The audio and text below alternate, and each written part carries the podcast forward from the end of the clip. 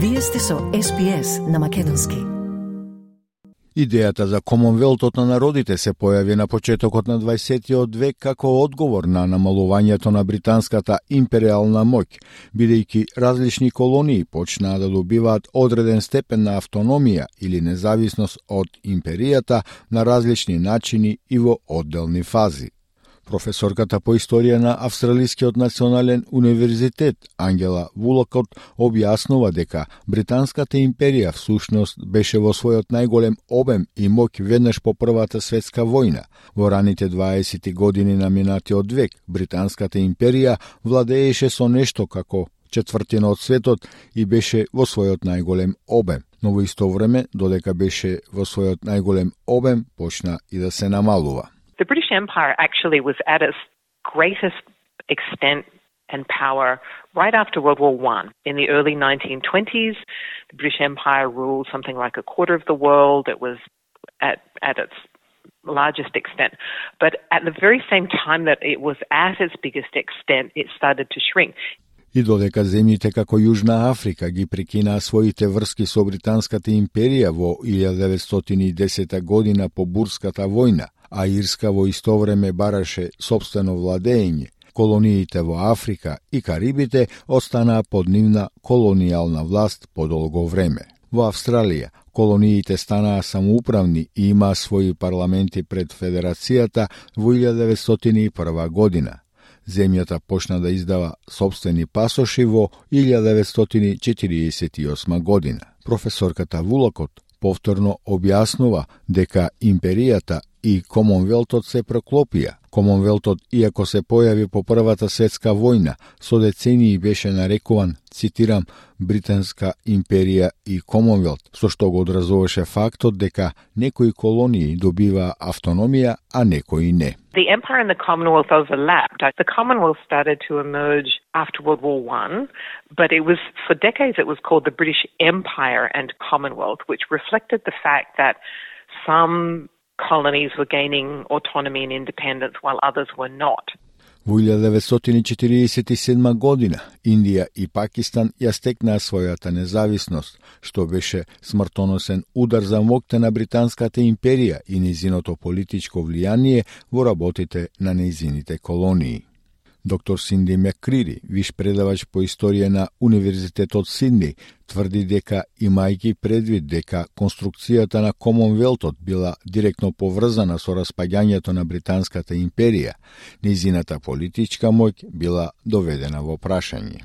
Today it comprises over 50 nations, most of which are republics. There are, however, some Commonwealth realms like Australia, which, like Britain, has the British monarch as our head of state.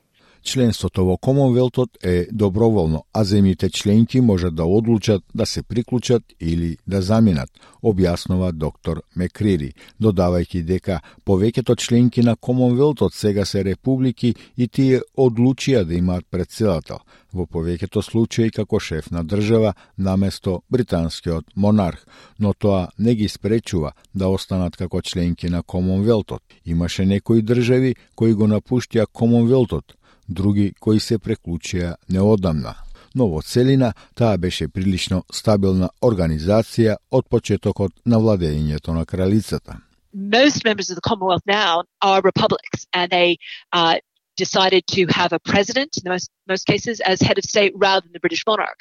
But that doesn't prevent them from remaining as members of the Commonwealth. Now, there have been some states that have left the Commonwealth, others that have joined more recently. But on the whole, it's been a pretty stable organization since the beginning of the Queen's reign. Но како се промени Комонвелтот за време на 70 годишното владење на кралицата Елизавета II? Професорката Вулокот од Австралискиот национален универзитет верува дека голем дел од падот на Комонвелтот се случил пред кралицата Елизабета II да дојде на тронот во 1952 година, бидејќи низината моќ била поврзана со идејата за империја. Меѓутоа, во некои случаи, контролата на колонизираните територии била префрлена на други сили. Еден пример е Хонг Конг, кој беше колонија и зависна територија на Британската империја од 1841 година, но беше предаден на Кина во 1997 година. Професорката Вулокот вели дека Комонвелтот се намалил за разлика од она што бил предходно и не има истата моќ или статус во светот сега, дури и кога продолжуваат некои активности, како што се игрите на Комонвелтот и други културни настани. It has shrunk from what it was.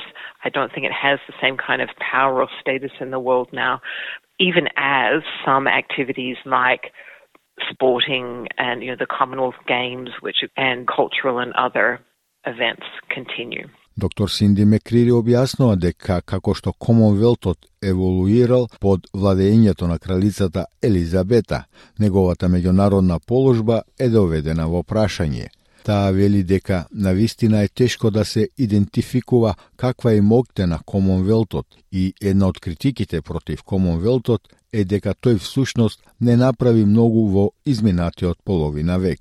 It's hard to really identify what the power of the Commonwealth is, and indeed that's been one of the criticisms made of the Commonwealth, that it hasn't actually done much uh, in the past half century. Барбадос беше последното царство кое се откаже од круната за да стане република во ноември 2021 година. Смртта на кралицата Елизабета ги обнови повиците Австралија да го следи примерот. Жената од Джаб Вурунг, Гунаи Гундитјамара и сенаторката на Зелените Лидија Торп велат дека е време земјата да воспостави договор со народите на првите нации и да стане република. Сенаторката Торп вели дека е уверена дека се повеќе луѓе не сакаат да бидат диктирани од колонијална сила од друга земја. Таа вели дека, цитирам, ние сакаме да бидеме своја земја, сами да се одредуваме судбината, затворен цитат. I believe that more and more people in this country don't want to be dictated by a colonial force from another country. We want to be our own country to self determine our own destiny. Сакате ли да чуете повеќе прилози како овој? Слушате подкаст преку Apple Podcasts, Google Podcasts, Spotify или од каде и да ги добивате вашите подкасти.